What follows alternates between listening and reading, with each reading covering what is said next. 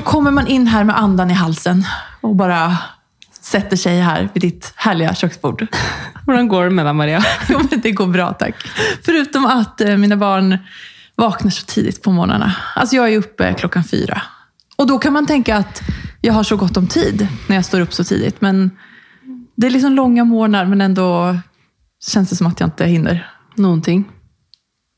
Nei, jeg skal ikke klage. Det går helt fint. Men det hade varit skönt att få sova lite längre. Vi måste få någonting, lite ordning på den här Ja, sovgrejerna. De är så pigga hela tiden. Det är det. Og det er jo og det er jo egentlig ikke noe negativt, det, men det er jo, jeg skjønner jo at du blir sliten. Mm. Ja, nei, altså energinivån er liksom på en annen, annen nivå. Ja, ja. Og det er kjempeherlig. Det er jätte, jättehärligt. Uh, De spiller sikkert opp hverandre òg, da. ah, det gjør de verkligen. Det gjør de. Så, nej, men förutom det så, så har jag det helt eh, toppen. Altså straight from Paris. Bonjour, tänkte jag säga. Eh, Jag har varit i Paris och eh, fotat eh, på modeveckan. Och det här är ingenting som jag har pratat om, att jag skulle åka dit. Jag har ju vetat det en stund. Eh, Men jag har inte velat jinxa någonting, för jag har varit så rädd att nej, det kommer avbokas eller du vet sådär. För att, Men altså, kan vi snakke om bildene du tok? Du har jo typ tatt bilde av de største modellene typ, i verden. Hæ? Det er sjukt! ja, men ja. Sykt fine bilder, Maria. Tusen takk. Det, tack. klapp på skulderen. Takk, snälla, Mm, takk. verkligen. Ehm, det, var ju, och det var ju egentligen inte därför jag åkte. Det var ju en bonus att jag fick komma in där och fota. För att jag åkte dit för att, för att göra ett fotojobb. eh, för en PR-byrå som, eh, som hade, eller de har åtta olika kunder och, som, och de behövde bilder då från från sitt showroom. Eh, så det var egentligen det jag åkte dit för att göra. Eh, och det här är bilder som jag inte visar. Jag gör ju ganska många sådana jobb som jag inte visar upp på min Insta eller sådär. Men, men det var ju underbart kul att få komma på Isabel Marant-visningen också. Alltså, fota. gikk det til? Eh, okay, ska jag berätta? Är det här kul att höra? Ja, det er dritgøy! Du har ikke, de har ikke snakket sammen. Nej, det har vi inte. Det är sant. Eh, nej, men jag, eh, när jag visste att jag skulle åka dit så började jag kolla runt. Vilka visningar hinner jag se? Eh, eller ja, vilka visningar är samtidigt som jag är där. Och så eh, mejlar jag till, eh, till presskontakten där och frågade, presenterade mig själv, frågade finns det någon möjlighet att jag kan komma in. Ehm, och så fick jag ju svar då. Och han sa att vi får se, jag har ingen, liksom, ingen ordentlig biljett eh, in, men eh, finns det plats så, så kan du säga till. Liksom. Så får vi se, så, så möt upp så får vi kolla. Och så gjorde jag det och så fanns det ju en plats. Eh, och sen hade jag inte bara tur att jag pratade mig in, alltså jag skärmade mig in lite extra till det här front Du gjorde väl det, du? passet. Altså front row. Hvordan Ja, nej, men det var jag inte beredd på att Nej, jag nej. skulle få faktiskt. Alltså press front row. Um, så det var, det Det var lite en- tur och så, Shit. ja, så var jag lite charmig då. Ja, du eh, Ja. Det var faktiskt en tjej som stod där och hon pratade svenska. Hon hörde att jag var svensk, för hon såg mitt efternamn. Så hon bara, are you Swedish? Jag bara, yes. Eh, och då började hon prata lite svenska också. Så det var liksom, vi, vi bondade Det lite över svenskan. Exakt. Så jag Så tror, hun jobbet på Marant? Ja, exakt. Så jag tror att det var det som hon bara, vänta lite här. Och så kom, Kom hon tillbaka här, med här. Ja, men typ. Så, Herlighet. så det, var liksom en mix av, av förberedelser och lite tur på plats. Herregud. Ja, det, det var verkligen en upplevelse. Det var, alltså jag, jag bara tänker, hur många år har jag suttit hemma med liksom Vogue-tidningarna och kollat, ja precis, din ligger här på bordet, och sett på visningsbilderna och bara så här drömt mig dit. Och nu var jag där. Nå var du der og tok bilder. Mm. Herregud. Och det var inte sista gången. Nei, nei. Det blir mer av det You're We're going back. Men, eh, men eh, nå har du en kontakt også, da, i Marant. Mm. Skal ikke kimse av det. Nei, ta, vara på den.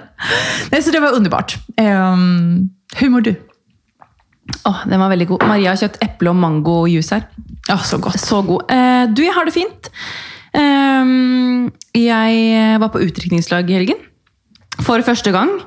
Og det var eh, harde greier. Da var det bare å stille seg på rad og shotte det man fikk. Eh, og det har jo ikke jeg gjort på mange år, for å si det sånn. Så det, det var supergøy. Hva gjorde ni? Hur var opplegget? Du, det var sinnssykt bra opplegg. Det var liksom eh, Vi møtte opp på en fotballbane, eh, og bruden kjørte selv i en traktor ned. For hun bor litt på landet, da, i Bærum. Så forloverne møtte opp hos henne, og bare Hun tok på seg sånn felleskjøpedrakt og caps og støvler og kjørte traktoren selv Med en, en som satt ved siden av, selvfølgelig. da. Eh, og så hadde vi liksom to timer med fullt opplegg på sånn fotballbane med eh, en helt vill PT. som bare, Jeg følte jeg var med på Kompani Lauritzen. Liksom. Det var oppstilling, alle måtte stå rett opp og ned og bare ta ordre og stå, sitt, stå i hockey. Eh, det var masse greier. Um, og så var vi i Sandvika en tur og ja, hadde masse opplegg og lunsj og leker og sånn. Og så på kvelden så var vi hjemme hos hun ene forloveren. da. Eh, på sånn skikkelig fint landlig sted ute i Bærum. Eh, hvor vi hadde liksom ja, catering, leker, rulleski, boksekamper. altså You name it. Altså, det var liksom dritbra opplegg. Det låter som et, en aktiv, eh, et aktivt utrykningslag. Ja, det, jeg tror ikke jeg satt egentlig noe deler av dagen, egentlig. Det, det var, var ingen liksom... sånn spa-opplegg? Ni, ni gikk all in med traktor og ja, ja. fotballbane? Ja, ja, og jeg er så støl fortsatt, liksom. Eh, for vi måtte jo sitte i hockey hver gang bruden fikk spørsmål. Oh. Eh, så var det sånn, Når de, han, treneren ropte navnet til bruden, da, så måtte vi sette oss ned i hockey og vente på at hun svarte riktig før vi kunne reise oss opp. Og hvis vi fikk feil, så var det sånn straffeburpees. Så ja, det var liksom fullt opplegg, kan jeg love deg. Så, men jeg begynner å komme meg nå, da. Etter helgen. så herlig. Lader opp til bryllupet, som er nå i helgen. Å, ah, gud, hva mysigt. Mm. Åh, elsker bröllop. Det blir gøy. Ja. Men du, idag är det ju faktiskt ett eh, lite speciellt avsnitt. För det är bara du och jag som sitter här. Men samtidigt så är det du som är dagens gäst kan man säga. För du har ju en bakgrund och en uppväxt som nog inte så många vet om. För det här är ju egentligen ingenting som du har pratat om. Men nu har vi den här podden och vi tänker att det här är en bra plattform för att dela din historia. Och syftet är ju såklart att förhoppningsvis kunna stötta andra i samma eller liknande situation och visa på att ingen är ensam i det här. För du, Marie, vet hur det är att ha en förälder med psykisk ohälsa och även hur det är att växa upp utan sina föräldrar i fosterhem. För du växte upp hos din mormor och morfar. Stämmer. Och det är det vi ska prata om idag. Du lyssnar på Mom Life Podcast med mig, Maria. Och mig, Maria.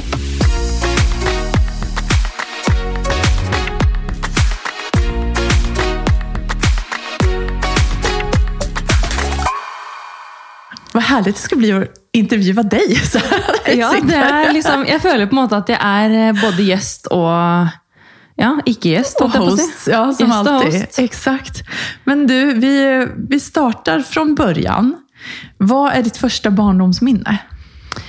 Um, mitt første barndomsminne altså, uh, Det første som liksom popper eh, til meg, holdt jeg på å si, det er jo alle somrene vi har hatt på hytta. Det var liksom, Du pakket bagen og var typ åtte uker da, eh, på sommerferie og hadde besøk av venner. Eh, og så var jeg også veldig heldig å vokse opp ved siden av to eh, jenter på min alder. Som vi alltid kalte for småjentene. så jeg alltid var borte hos de, de var borte hos meg. De ble liksom som søsken, på en måte. Og jeg var jo like mye der med dems familie som de var hjemme hos oss. Og da var det, gikk bort der og banket på og lekte med de, og ja. Det var liksom, Hele barndommen var bare liksom hyggelig, egentlig, eh, på den fronten. da. Eh, så hjemme hos mor og far hadde jeg det veldig trygt og godt. Um, og ble jo egentlig skånet for det meste der. For når du sier mor og far, da mener du din mormor og morfar? Ja. Mm. Um, jeg tenkte faktisk at det, fordi For noen år siden så skrev jeg en liten tekst på bloggen min. faktisk. Og så tenkte jeg sånn Shit, den kan jeg jo lese opp, for den forteller, uh, den forteller litt. Samtidig som den ikke forteller så mye. Så det kan kanskje være litt sånn fin innledning. Absolutt. Mm.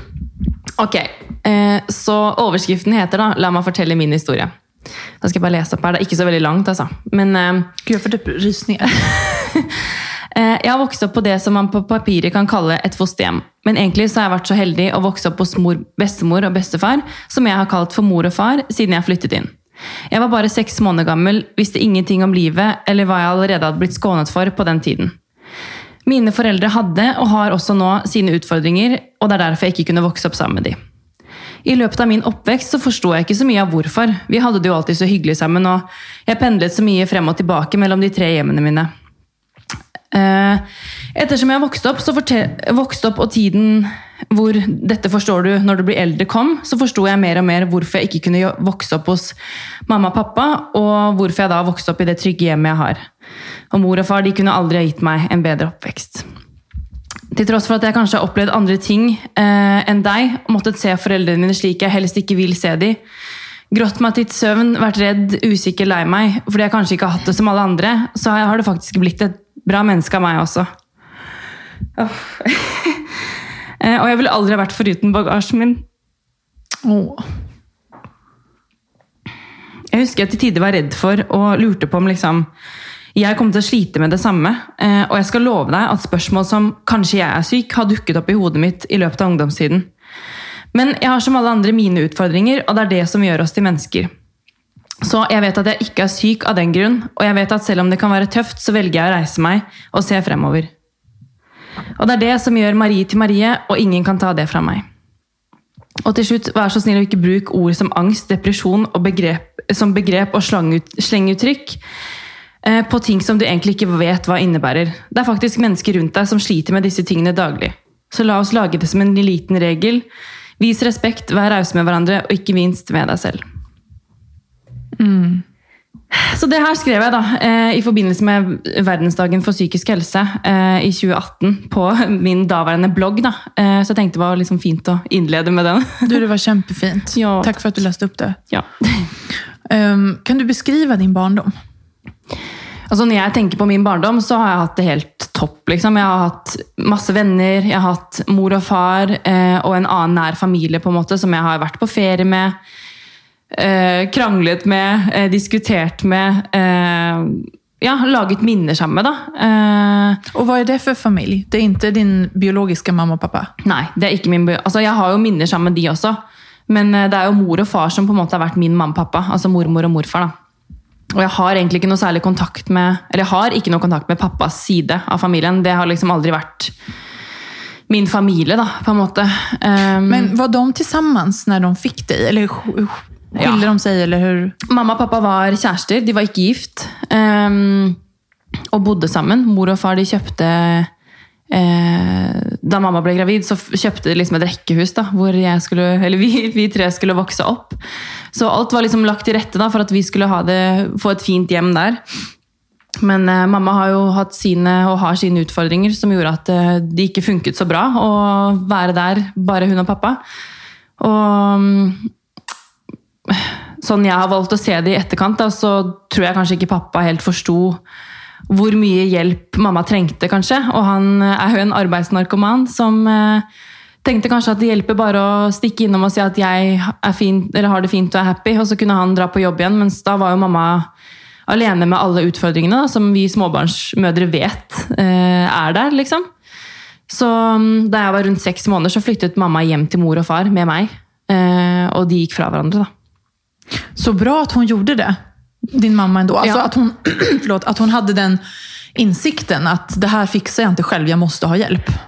Ja, og det er jo sånn Den dag i dag så tar jeg liksom virkelig av meg hatten for henne, fordi enda hun eh, var syk, og såpass syk at hun ikke klarte å ta vare på meg, så var det hun som fikk foreldreretten da saken min var oppe til Høyesterett, liksom. Og eh, hun fullammet meg, og liksom har hele tiden liksom vist styrke også, da, eh, i sykdom. Og det er sånn utrolig beundringsverdig. Hun har gjort det hun har kunnet. helt Ja, enkelt. virkelig. Så um, Det er jo sånn jeg har fått høre i etterkant da, eh, av liksom mor og fra helsestasjonen som jeg gikk på, eller hun gikk på med meg, at bare, de var liksom virkelig imponerte over innsatsen til tross for omstendighetene. Da. Og det er liksom så godt for meg å vite at um, selv om det var vanskelig, så visst, eller vet jeg at både mamma og pappa ville ha meg. hvis du skjønner. Det fanns en kjærlighet og en omsorg där. Du var seks måneder når du flyttet til din mormor og morfar. Eh, når forsto du at din mamma var sjuk? Oh, um, jeg vet egentlig ikke, fordi det har liksom alltid bare vært sånn. Um, altså Alle familier har liksom hensyn man må ta, da, og sykdommen hennes ble liksom et av våre hensyn. på en måte, Så det ble liksom sånn det alltid har vært. Så jeg vet liksom ikke hvor gammel jeg var. eller ja. Men det var jo, tilbake til det jeg sa i stad, så har jeg alltid blitt liksom skånet for mye. da. Um, og jeg bodde jo liksom litt hos mamma, litt hos pappa, litt hos mor og far, så det var liksom annen hver, tredje helg, eh, hvor jeg var liksom her og der. Men Hvor gammel var du da når du flyttade rundt? Nei, altså mm, Det husker jeg ikke helt, men eh, jeg husker jo at eh, jeg har blitt fortalt da, at da jeg ble 13 år, så kunne jeg liksom være med å bestemme hvor jeg ville bo selv. Og det er bare sånn jeg tenker at det var helt sinnssykt. At jeg liksom, du er 13 år, Eh, For det første så ville jo ikke jeg bo noe annet sted enn hos mor og far, fordi det var jo mitt hjem. Eh, Der hadde jeg alle vennene mine, skolen min, tingene mine. altså Det er der jeg vokste opp. på en måte. Jeg ville jo ikke flytte noe annet sted. Men det er liksom sånn jeg har tenkt på nå i etterkant, at eh, tenk om jeg plutselig hadde valgt å flytte til en av de da, da. Hvis det var det jeg hadde lyst til. Og hvem hadde jeg vært da, liksom? Så mm, Nei. ehm, ja, jeg bare, jeg, og så husker jeg liksom veldig godt at jeg syntes det var veldig slitsomt å drive og farte rundt og pendle da, mellom de altså, tre hjemmene mine i gåsetegn. Det var liksom, og så var det jo til og med fra barneskolen så var det jo annenhver onsdag også i samvær da, med mamma og pappa. Annenhver uke og annenhver tredje helg. da. Og det ble jo liksom, jeg følte jo bare at jeg Altså jeg, hus, jeg husker lille meg sto liksom på badet sammen med mor før jeg skulle dra. Liksom. Jeg bare, jeg vil ikke dra. Jeg var så sliten av alt. da. Eh, Så jeg tror etter det at det liksom For barnevernet har jo alltid vært involvert her, i og med at jeg har vokst opp i fosterhjem. da. Selv om det er innad i familien, så har de på en måte vært med og gjort sin jobb da, og fulgt opp liksom saken. Um, men da husker jeg vi liksom tok et møte hvor det, altså det her funker jo ikke. Jeg blir jo, er jo her og der som en sprettball. Du bolles jo rundt Ja. hele tiden. Ja. Som du sier, at du er sliten. Usch, vad sorg. Det är så hemskt. Alltså, du är liksom liten och så ska... Ganske mange hensyn Ja. som må tas, da. Eh, nei, så det er jo liksom sånn Det er klart det har liksom påvirket meg da, til hvem jeg er i dag. Sånn at jeg eh, føler at jeg liksom måtte tilfredsstille og i gåstegn please da, eh, mange forskjellige mennesker og behov. da. Og at jeg kanskje liksom egentlig hele livet har følt at jeg har vært eh, foreldrene til foreldrene mine. Og det skal man jo ikke. Man skal altså Ingen barn skal måtte føle på det. Um, Det er ikke et ansvar du skal behøve å ta som barn. nei. Men det er, jo, det er jo ting jeg liksom har følt på i voksen alder også.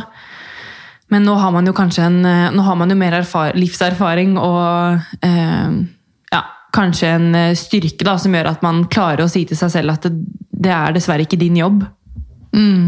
Det är alltså, barn som växer upp under traumatiska förhållanden så där, utvecklar ofta egenskaper som fungerar som en slags skyddsmekanism. Alltså någon blir så här klassens clown och bara skojar bort allting. Eh, någon annan blir självdestruktiv. Och någon blir väldigt ansvarstagande och som du säger, alltså en people pleaser. Du vill behaga och ja, vara folk till lags. Är det några fler egenskaper som du tänker har kommit på grund av din uppväxt? Jeg tror som du sier, altså Det der med å være rettferdig det husker jeg var veldig viktig for meg eh, bare da jeg var ganske liten. og det husker jeg liksom hun, En av de kontaktpersonene vi hadde i barnevernet sa til meg bare Marie, du er så rettferdig. Fordi det var veldig viktig for meg at jeg skulle være like mye hos pappa, like mye hos mamma, og at det ikke skulle være noe eh, forskjell. da, Forskjellsbehandling. Du ville være rettvis mot dine Ja. foreldre? Ja, enda jeg var så liten. Eh, Så jeg tenker jo det er noe jeg på en måte Jeg har det jo fortsatt med meg.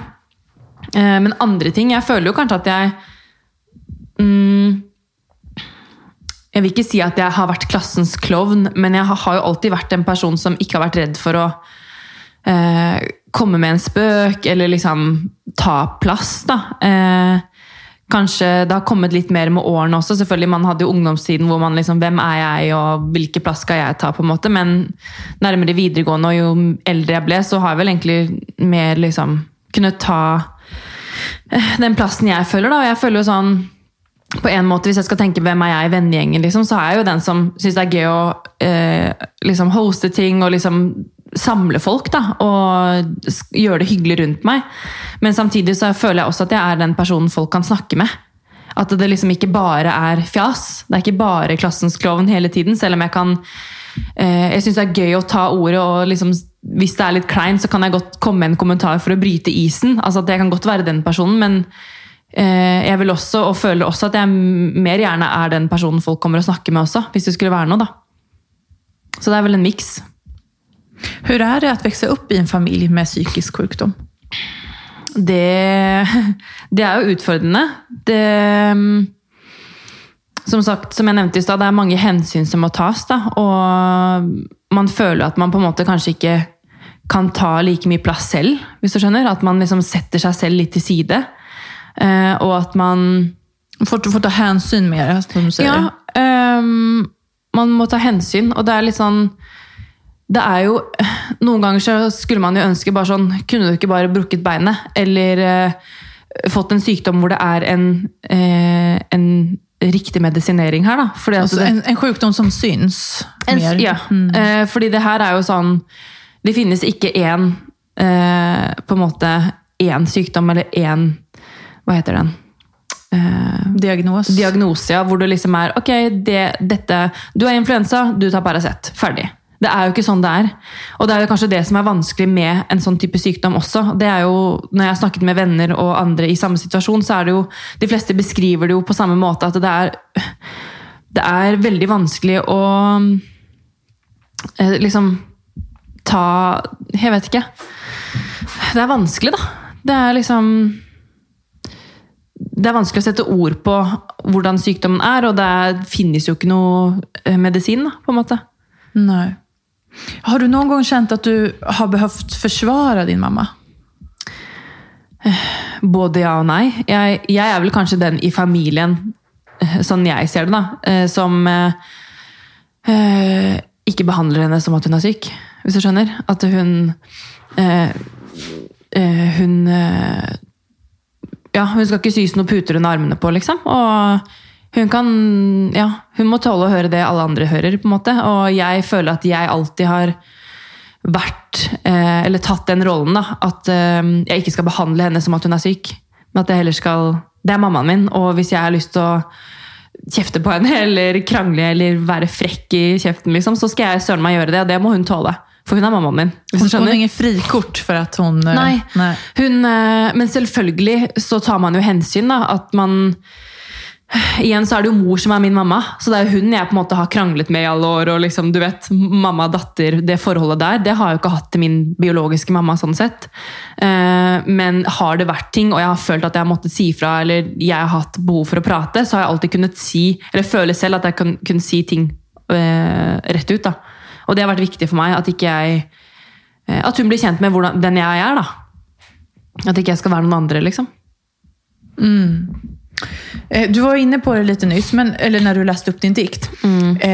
det här, alltså, har du någon gång själv känt dig sjuk? Eller varit orolig for at du skal bli sjuk? Altså gå i din mammas fotspår? Mm, nei, jeg har ikke kjent meg syk. Eh, aldri kjent meg syk. Men selvfølgelig så blir man jo Man tenker jo når det er så nært, ligger det så nært, så blir man sånn Oi, men tenk hvis det er noe galt med meg, på en måte. Eller eh, hva hvis det her skjer om, med meg om noen år? Eller altså, hvordan, hvordan kan det utvikle seg, på en måte? Men jeg føler jo også at jeg har den eh, styrken, da. At jeg eh, i ungdomstiden, eller hvor ting har vært vanskelig, at jeg liksom klarte å se lys i tunnelen og virkelig klart å reise meg igjen. Da. Og har det vært en kjærlighetssorg, eller det har vært noe altså Man har jo sine ting i en oppvekst og i, en ungdomstid da, som er dritvanskelig, liksom. Da har jeg alltid følt at jeg Ok, nå er det tøft, men la oss gå videre. Det ordner seg, på en måte. At jeg har den egenskapen, da. Mm, du har den styrkan i deg. Men, og jeg tenker, speciellt når man er yngre eller i tonåren så vil man jo ofte være så her som alle andre. Du vet. og ikke stikke ut på noe sett, på noe fel sett. Har du skämts over din familiesituasjon noen gang? Ja, det har jeg. Eh, som du sier, så vil man jo ikke skille seg ut. Jeg husker jo liksom Jeg har en pappa som er over to meter, og han syns hvis du går forbi han. for å si det sånn. Men jeg var jo, jeg husker jeg var dritflau over han da jeg var liten. Ja, han var lang? ja, eller sånn eh, Altså, han er jo eh, Jeg er jo på mange måter datteren hans, da. Eller sånn, jeg er jo det, men sånn Jeg ser jo mye likhetstrekk. Eh, han liker å ta ordet, han liker å være midtpunkt, han liker å liksom være litt klovn, da. Eh, men i en annen retning enn meg, kanskje, da. Eh, men da jeg så de tingene ved han da jeg var liten, så gjorde jo det meg veldig flau. At han liksom skulle Åh, Kunne han ikke bare være stille, liksom? Så jeg, jeg husker jo Hvis jeg var i byen og handlet med venninnene mine, og hvis jeg plutselig så han i byen, for han jobbet mye i sentrum, da, så var det ganger jeg kunne liksom gjemme meg og ikke liksom ville si hei, for eksempel, fordi jeg var flau. da. Og det er sånn jeg har tenkt på i etterkant og årene senere, at liksom, hva er det jeg var så flau over? Men jeg tror bare det å være annerledes, da, og føle at man har en situasjon eller har en familie som ikke er sånn som alle andre. Men det har jeg jo skjønt når jeg har blitt eldre, at alle har jo ting i familien som de eh, går gjennom eller sliter med. Som man kanskje har sett når man har blitt litt større. Da. Ok, ja, Den perfekte barndomsfamilien, eller den, de venninnene som hadde liksom åh, one big happy family. liksom. Ja, men foreldrene der er jo skilt. Eller han var jo alkoholiker. Eller ditt, eller at det, altså alle har ting som gjør at kanskje man skjønner mer i etterkant. Ja, men jeg skjønner jo hvorfor du kanskje hadde de utfordringene i barndommen, men du snakket ikke om det. Det gjorde jeg, på en måte, da. Ja, nei, men alle har jo sitt. Um, men har du noen gang tatt beslut basert på følelser som du har over din familiesituasjon? Oh, det har jeg helt sikkert. Uh, jeg kan ikke tenke noe spesifikk Jo, vet du hva? Um, eh, for noen år siden så kuttet jo jeg en mer eller mindre kontakten med faren min. Fordi at eh, Det er mange grunner til det, da, som jeg ikke ønsker å gå ut med her. Men eh, jeg bare fant ut at hvis jeg skal eh, kunne gå videre i livet mitt, eh, så er, klarer jeg ikke å ha den kontakten som jeg kanskje skulle ønske at vi hadde. da. Og for ikke bli skuffet selv, rett og slett, så måtte jeg bare liksom Altså, Vi kan sende en melding til hverandre, og sånn, det er ikke det, men jeg har på en måte ikke, jeg har ikke sett han på tre år. Har, han, er ikke, han er ikke en del av livet mitt lenger, og det er um, Det er begges feil, for å si det sånn. Uh, men det er et bevisst valg jeg har gjort da, for å kunne ha det best mulig. Blod er ikke alltid tjukkere enn vatten. Nei, det er ikke det. Og tro meg, jeg har veldig ofte ønsket at ting skulle vært annerledes, men eh, så har jeg på en måte sett på det jeg har også, som er mor og far, da, som har vært en fantastisk familie for meg. Og jeg kunne ikke hatt det noe annerledes. Jeg ville ikke byttet ut barndommen min da, for noen ting. Det ville jeg ikke, virkelig. Så mm, jeg ble rørt av å tenke på den jobben de har gjort. De har liksom de har jo tre barn, og så da tante skulle flytte ut, liksom, da hun var 19 år, så bare ja, ja, ikke tenk på det. Marie kan flytte inn her, vi tar 20 år til, vi. Så det er sånn, ja, jeg tar av meg alt av hatter for de. De fanns der for deg. Ja.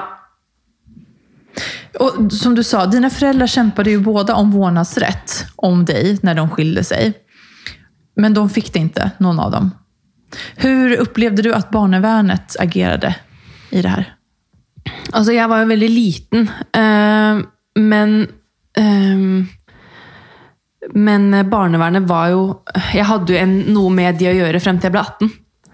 Eh, så det jeg husker best liksom, fra barnevernet, var jo at eh, jeg syntes det var dritkjedelig at de skulle sitte hjemme på møte hos oss og spise kaffe og drikke Eller spise kaker og drikke kaffe. Jeg hadde jo lyst til å leke med vennene mine ute, liksom. Og var sånn, åh, kan de gå, liksom? Jeg, hvorfor, jeg skjønte ikke hvorfor de var der. helt ærlig. Men satt de og pratet med deg da? Ja, både med meg og mor og far. da. Det var, liksom, det var deres rutine. De var nødt til å være inne og følge med at jeg hadde det bra. da. At de hadde gjort Att din mor og far, altså mormor og morfar, at de gjorde hand om deg ordentlig? Ja, gjorde en god nok jobb. Og det er litt sånn derre jeg, forstår, jeg respekterer at de har rutiner, at det, det er deres jobb. Men når jeg ser på det i etterkant, så er det sånn Det er sikkert så mange andre som hadde hatt større behov for at de var der så jevnlig eh, enn oss. da. Eh, Men igjen så er det jo sånn, jeg har jo bare gode ting å si om barnevernet. sånn sett. Jeg har jo bare hatt en fin erfaring, selv om jeg syns de brukte mye av tiden min som jeg kunne leke på. Men, eh, men i etterkant så er det jo sånn Man hører jo veldig ofte negative ting om barnevernet, og hvor de har gjort en dårlig jobb, eller de har liksom ikke grepet inn. altså Du vet jo, på nyhetene så er det jo ofte bare drit. Så det har liksom vært litt viktig for meg også å, vise at, eller fremme at liksom, jeg har en positiv erfaring med barnevernet, selv om jeg følte at jeg kanskje ikke hadde like behov for at de var til stede, eller var en del av oppveksten min, så gjorde de bare jobben sin, på en måte. Ja, det er en jækla tur at de fins. Ja, det er virkelig. Så de gjør en kjempegod jobb, og selv om kanskje ikke jeg følte at det, vår situasjon var den eh, viktigste, så var det nok viktig at de var involvert likevel.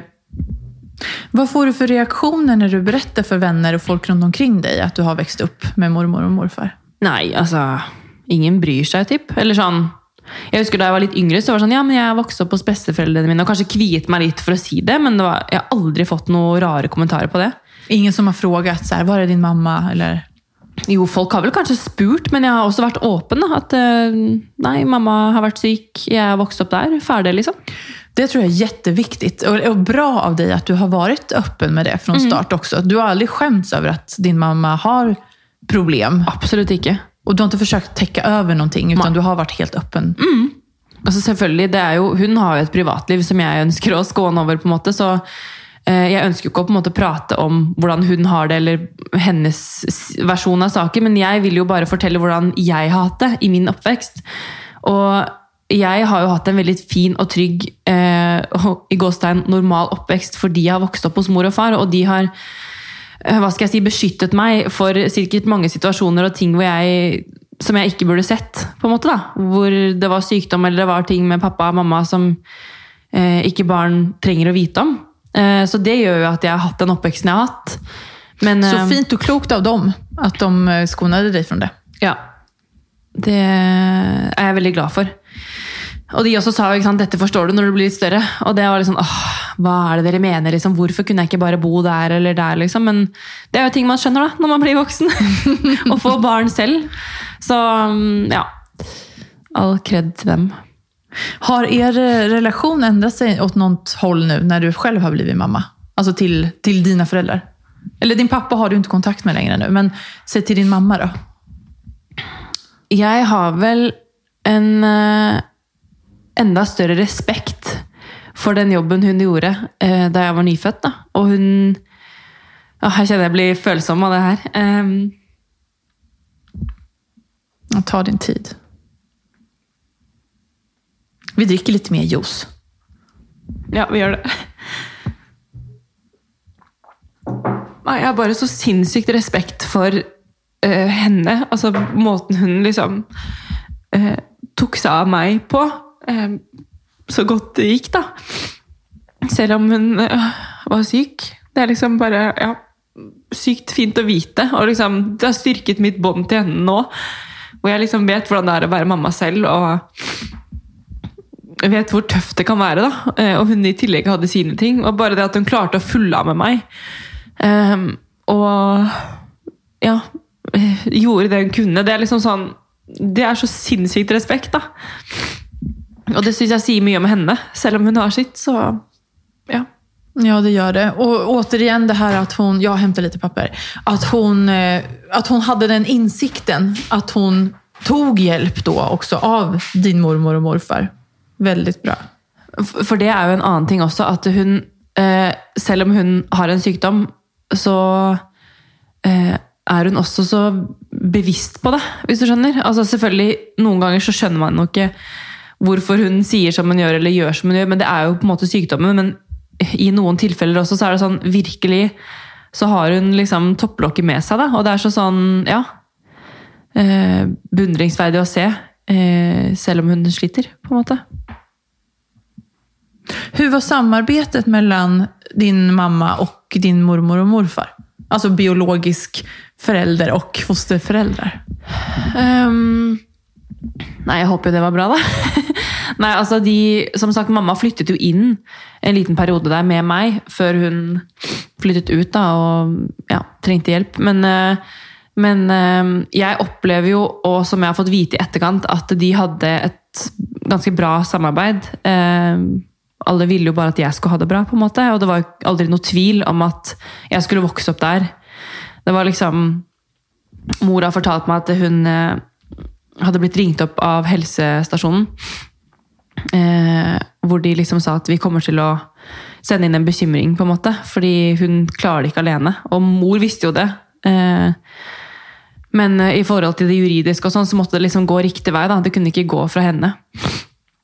Eh, men da var det jo sånn Hun fikk liksom én telefon fra barnevernet hvor det var liksom noen spørsmål om jeg kunne vokse opp der, og det var liksom Det var ja med en gang, liksom. Ja, for det er så prosessen går til. Ja, jeg vet, dette her er jo liksom snart eh, 28 år siden, så jeg vet jo ikke hvordan det fungerer nå. Det er jo sikkert en annen prosedyre nå, men eh, eh, jeg vet jo at det jobbes for at man skal kunne vokse opp innad i familien hvis det er det beste for barnet.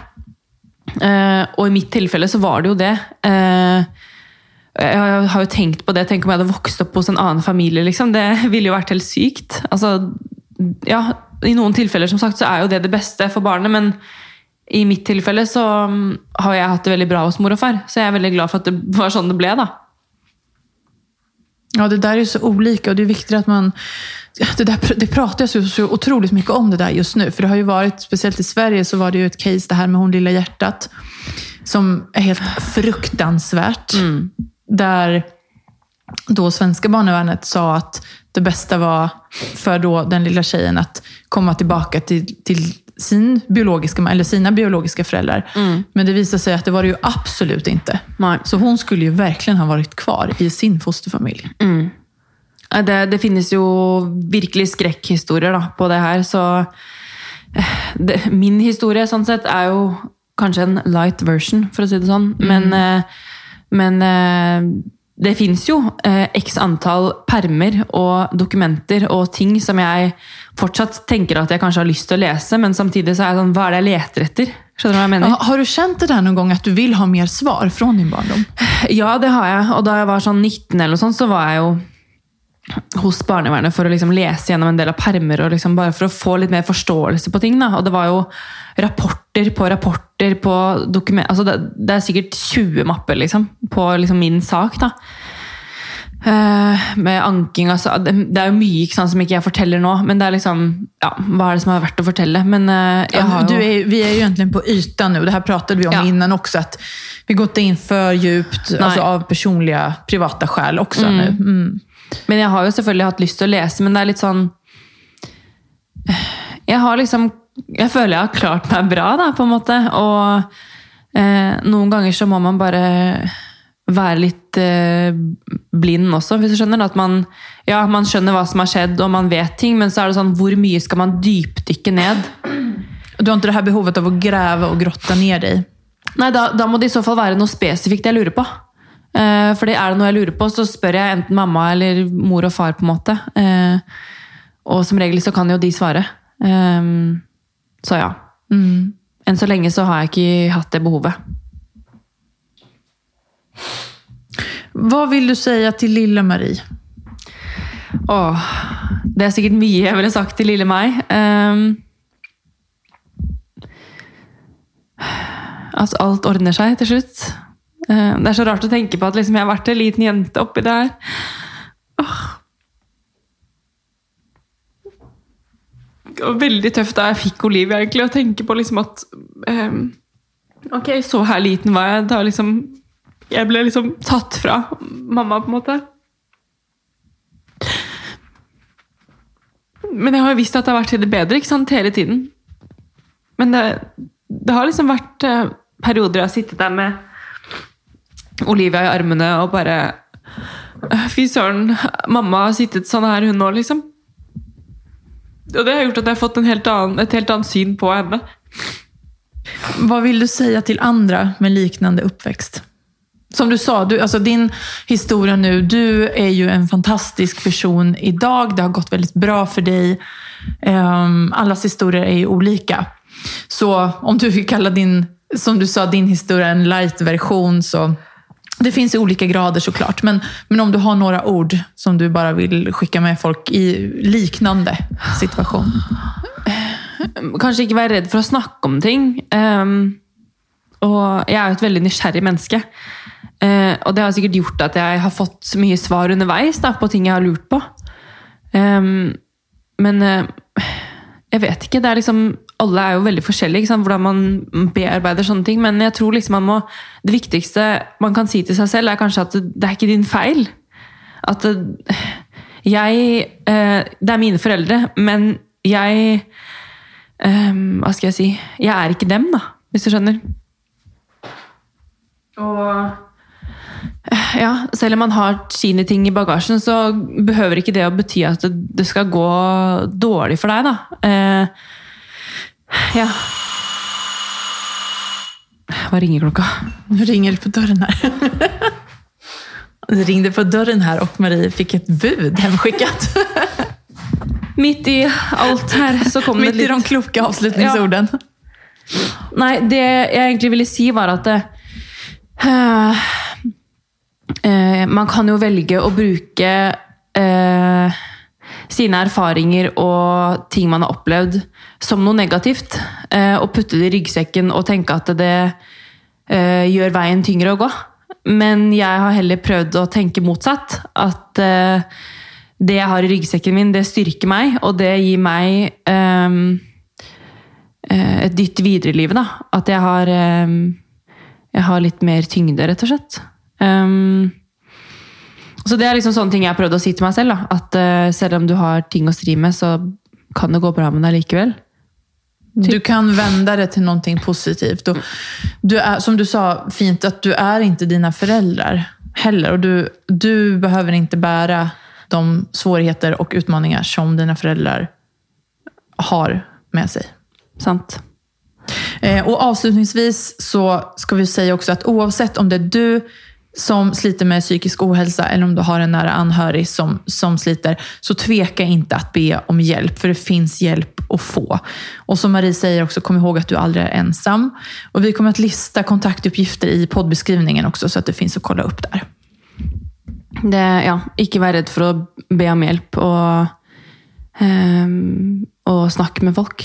Var åpen og prate. Vær åpen, ja. Jeg tenkte bare, jeg fant, en, jeg fant noe jeg har skrevet på notater her eh, for lenge, lenge siden. Eh, men det var liksom bare litt sånn fint Les og litt trist trist samtidig. Mamma og pappa. Så nære, men så fjerne. Vi var en gang tre, men nå er vi ikke det.